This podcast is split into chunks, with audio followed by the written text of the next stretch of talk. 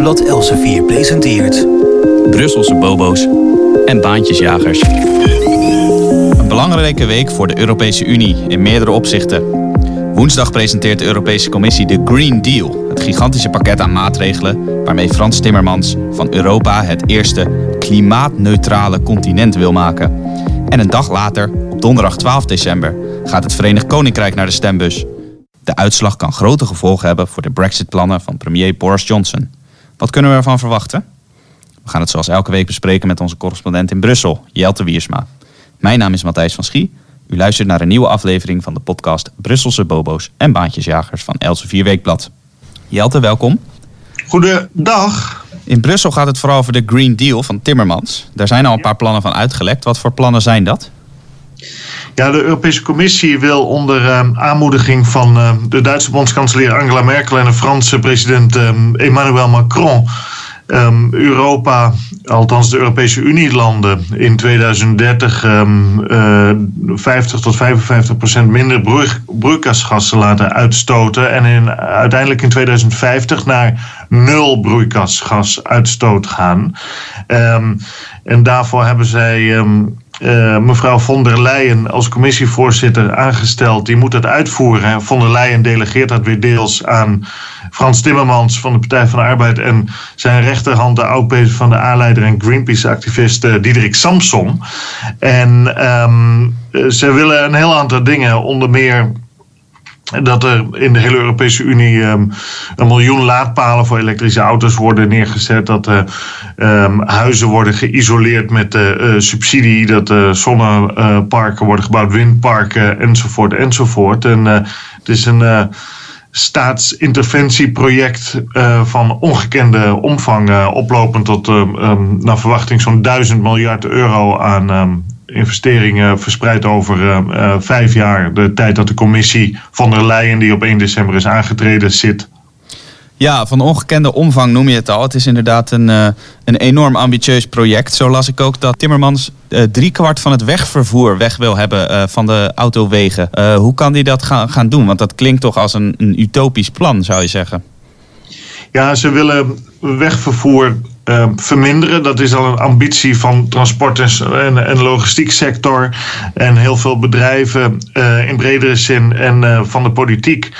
Um, om um, meer vracht via het water te laten gaan. Daar is heel veel capaciteit. In, in Nederland geldt dat natuurlijk specifiek voor de Rijn als, als slagader uh, door Noordwest-Europa vanaf Rotterdam. Um, anderzijds zou er meer uh, vrachten uh, op het spoor moeten gaan. Uh, Nederland heeft daarvoor ook een slagader natuurlijk aangelegd, de Betuwe-lijn. Ja. Maar als je bij de Duitse grens bent, dan eindigt dat in een soort boemellijntje. Dus um, dat is um, in die zin een inefficiënt project. En dat geeft wel aan hoe lastig überhaupt het overhevelen van vracht van uh, as, zoals ze dat noemen in technische termen, van de as naar water en uh, spoor um, ja. is. En, um, of, of um, in het verleden lukte dat al niet en er is geen reden om te verwachten dat dat nu wel gaat lukken. Sterker nog, het vrachtvervoer zal waarschijnlijk enorm toenemen, al was het maar door de wens van de consument om uh, online te winkelen. Precies, met Black Friday en dat soort dagen wordt het vervoer er niet minder druk om. Exact. Nou hebben we natuurlijk in Nederland een uh, energietransitie waar gigantisch veel uh, geld en uh, moeite mee gemoeid is. en dan is in Nederland een van de doelen om van het gas af te gaan. Maar andere EU-landen die denken daar anders over. Hè? die willen wel graag aan het gas blijven.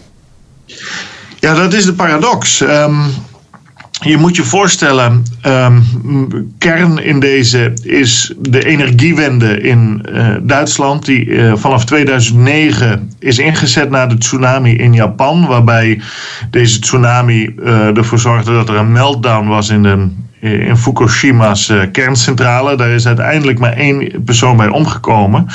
Uh, desondanks raakte Merkel in paniek. En populist als zij is, in die zin, zag zij in de peilingen de groenen in Duitsland erg stijgen. En is toen overnight met de beslissing gekomen om alle 22 Duitse kerncentrales af te schakelen. Dat heeft ertoe geleid dat er um, een enorme hoeveelheid. Um, extra steenkool en bruinkool is verbrand in Duitsland, waar ze zelf veel voorraden van hebben en waarvan ze ook makkelijk veel kunnen importeren via Rotterdam onder meer. De Betuwe-lijn is winstgevend geworden dankzij de energiewende van Angela Merkel, omdat ja. er zoveel steenkool die kant op ging.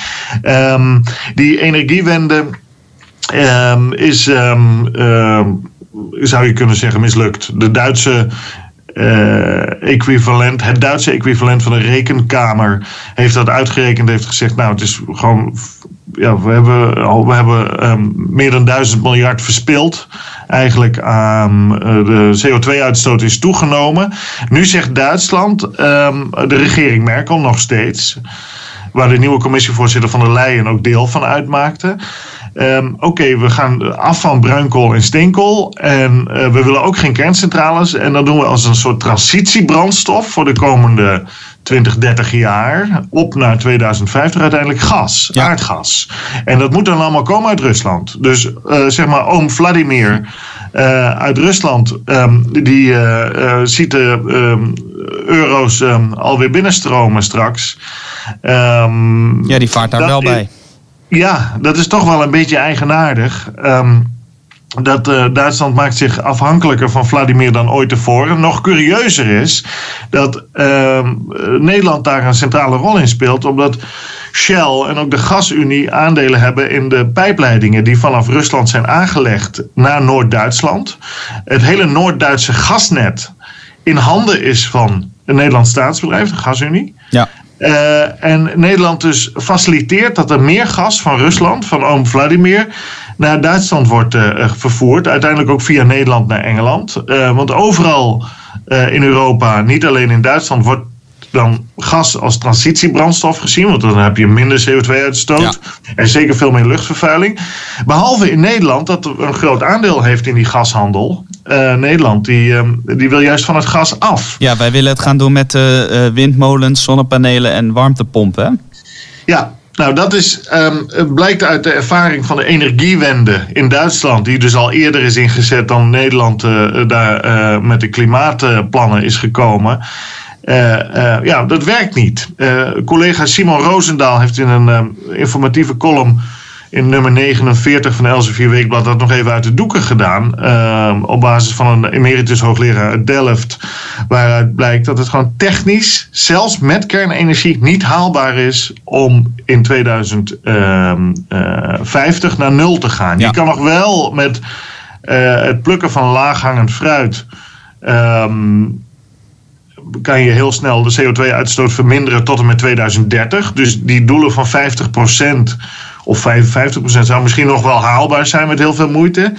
Uh, kijk, ik, ik rij zelf in een auto met een achtcilinder motor. Uh, er komt nogal wat CO2 bij vrij. Als ik die auto zou naar de schroot zou brengen en een klein autootje zou kopen met een klein motortje, dan halveer je de CO2-uitstoot. Dus ja. dat, dat, dat kan je heel makkelijk doen. Hè? Niet, niet dat ik dat voornemens ben overigens hoor, maar dat, uh, dat. Ja. Um, maar um, eh, maar klimaatneutraal. Ja, want dat is uiteindelijk wat ze willen, hè? klimaatneutraal. precies, precies. De, die stap verder zetten is veel moeilijker. En je zou verwachten dat gezien het falen van de energiewende in Duitsland uh, CO2-uitstoot omhoog, geld verspild geld verspild aan windmolens die niet genoeg energie opleveren, kerncentrales afschakelen, dat je zou denken van dat moeten we dus niet doen. Ja. Um, uh, maar, uh, en dan komt ook nog bij de volksoproer, zoals in Nederland daar is geweest met de overwinning van Forum voor Democratie tijdens de Europese en Provinciale Statenverkiezingen. De, de, gele hesjes in Frankrijk. Dus de, de, bevolking is ook veel minder mee dan de elites hopen. Dus in dat licht zou je verwachten dat ze even pas op de plaats maken. En uh, hun eigen ambities en hun eigen mogelijkheden toch wat beperkter inschatten. Uh, de politiek overschat wat zij kan, denk ik. Uh, wat zij technisch kan. politici zijn vaak geen ingenieurs. wat zij financieel kan en wat de bevolking ook acceptabel vindt. Dus, um, en dat is een. Um, uh, dus ik ben ook eens gaan denken van waarom uh, uh, jagen ze nou dat zo door, die ambities? Waarom jagen ze die nou zo op? En... Ja, dat is een goede vraag. Heb je een antwoord daarop gevonden ook? Want ja, ik denk dat heel veel luisteraars hetzelfde zullen denken. De, de toren van Babel bouwen, dat is nooit gelukt. Maar Europa klimaatneutraal maken moet dan wel lukken. Ja, nou, jouw bijbelvastheid is weer te prijzen, Matthijs. Ik denk, want ik, heb het, ik vraag daar wel over rond, maar mensen geven ook niet altijd een eerlijk antwoord. Ehm, in de wetenschap dat het niet lukt. Ehm, nu al niet. Je weet dus dat die Green Deal niet gaat lukken. Dat weet je vooraf. Hè? Ja. Uh, dan, dan krijg je uh, één antwoord van ja, maar het gaat om de beweging. En, uh, dus, en het gaat dan vooral om de beweging naar meer EU-integratie. Dus die agenda ligt eronder. En toen uh, kwam bij mij de parallel op met de uh, euro. De euro is altijd als uh, economische munt verkocht. Dus het is economisch profijtelijk. Maar was een puur politieke munt met als doel Europa ja. economisch monetair onder controle van Duitsland en Frankrijk brengen. En um, mijn donkerbruine vermoeden, eerlijk gezegd, is dat dat met die klimaatplannen niet anders is. Je ziet ook dat de grootste rebellen uh, tegen de euro destijds. Uh, uh, het Verenigd Koninkrijk was. Die deden uiteindelijk niet mee. En ook in mindere mate Zweden en Denemarken. Je ziet nu de nieuwe Britten in de Europese Unie tijdens, tegen die Duits-Franse machtsgreep. Uh, via, via de Europese integratie is Oost-Europa. Dus Polen, Tsjechië, Hongarije, die zijn tegen deze Green Deal. Die, en die zien het voor wat het is, denk ik. Um, dat, uh, dat, heeft, dat stolt op twee poten. Eén, natuurlijk hun ervaring van buitenlandse bezetting. Ja. Uh, deze Green Deal uh, voelt bijna voor hen als een buitenlandse bezetting, als een Frans-Duits dictaat, Duits-Frans dictaat. Uh, een eerder dictaat dat ging over immigratie, de verspreiding van asielzoekers. Daar hebben zij zich toen met succes tegen verzet. Ook daar was Frans Timmermans toen een van Zeker. de voorlopers in. Hè? Ja. Dat is een scherp opgemerkt. Die speelde toen een kernrol en die speelt het nu weer. Dus het is weer uh, Frans Timmermans uh, versus Oost-Europa. Um, nou, de Europese Raad uh, die gaat hierover clashen de op donderdag en vrijdag. En dan gaan we zien uh, wat eruit komt. Um, uh, ik ben. ik ben heel benieuwd. Oost-Europa ziet het in ieder geval voor wat het is. Meer macht naar de Europese Unie betekent in de praktijk meer macht naar de grote landen. En dat betekent vooral meer macht naar Duitsland en Frankrijk. En um, ja, daar keren zij zich tegen. dus er zit een heel andere agenda achter dan het redden van de ijsberen, om het zo te zeggen. Ja, waar het overigens heel goed mee gaat, zoals eh, Simon Roosendaal, ik geloof twee weken terug dan weer schreef. Maar eh, dat geheel terzijde. Dat geheel terzijde. Ja, precies, je had het net al even over de Europese Raad van donderdag. Uh, die is in Brussel, maar jij bent daar als Brussel-correspondent ditmaal niet bij. Want jij zit donderdag in Londen. Want daar is ook wel iets belangrijks aan de hand. In Londen en in de rest van het Verenigd Koninkrijk. Want uh, het Verenigd Koninkrijk gaat naar de stembus. Dat, uh, dat is een verkiezing die wij natuurlijk met met veel interesse gaan volgen en jij van heel dichtbij. Wat verwacht je ervan? Nou ja, in de peilingen staat de conservatieve partij onder leiding van uh, zittend premier Boris Johnson uh, ver voor op Labour. Maar je weet het nooit. Uh, um, een ehm, goede vriend van mij die woont in Londen, oude Oxford hoogleraar emeritus moet ik dan zeggen. En in zijn kiesdistrict in Londen was uh, bij de vorige verkiezingen uh, het verschil tussen Labour en Conservative zeven stemmen. Zo. Slechts zeven stemmen. Dus je kan wel je voorstellen dat. Um, uh, de marges zijn soms heel smal. Uh, dus we gaan het zien. Ja. Um, je moet het, de, de, deze verkiezingen eigenlijk zien als een tweede referendum. Het eerste referendum was natuurlijk in en uit. Nou, de uitslag was uit. Ja. 52% zei leave. We gaan uit de Europese Unie. Toen is er een, uh, zou je kunnen zeggen, een tussenfase geweest. Uh, met premier Theresa May.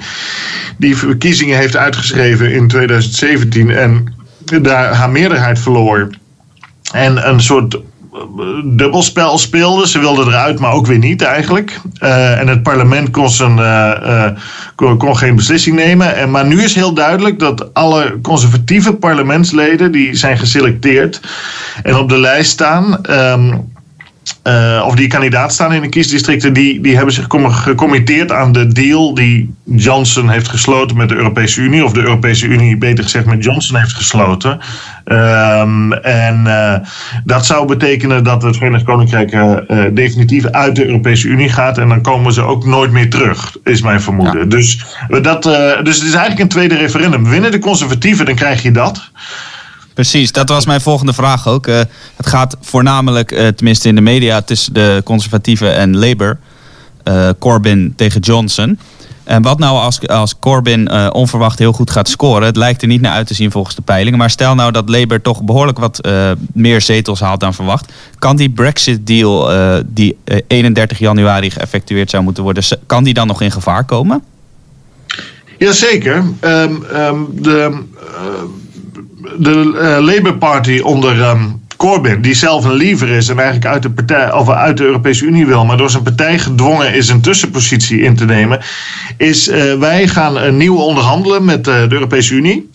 En het akkoord waarmee we dan komen, gaan we voorleggen in een referendum aan de kiezer. En als de kiezer dat afwijst, dan blijven we in de Europese Unie. Is de, stemt de kiezer daarvoor, dan wordt dat uh, het uitredingsakkoord. Want daar gaat het om. Hè? Het gaat om ja. de uit, het uitredingsakkoord. Het gaat nog niet over een, een deal over een toekomstige relatie. Dat is waar, ja. Uh, heel belangrijk. En um, uh, dus dat is de Labour-positie. De Liberal Democrats die zeggen, nou, we, we, we uh, die staan derde uh, in de peilingen. En het kan een heel belangrijke macht worden. Die zeggen, ja, wij doen het gewoon helemaal niet. Wij, wij stoppen de Brexit en we blijven in de Europese Unie op de voorwaarden waarop we er nu in ja. zitten. No matter what. Wat de bevolking er ook van vindt. Uh, nou, zo kennen we ze weer. Uh, democraten in hart en nieren. Ja, niet bepaald uh, als je het zo... Beware parties, zou ik zeggen in goed Engels, die, die zichzelf democratisch noemen. Want die, als je al dat woord nodig hebt in je partijnaam, dan moet je al argwanend worden, volgens mij. Um, kijk ook naar Nederland, wat dat betreft. Um, maar dat wordt heel spannend, want het kan ook een zogenaamde hung parliament worden. Dat er niet één partij de meerderheid heeft. Ja. En dan zou, zou het kunnen zijn dat er een. een um, Labour en uh, de Liberal Democrats samen een coalitieregering vormen. Bijvoorbeeld zelfs met de Schotse nationalisten. Ja.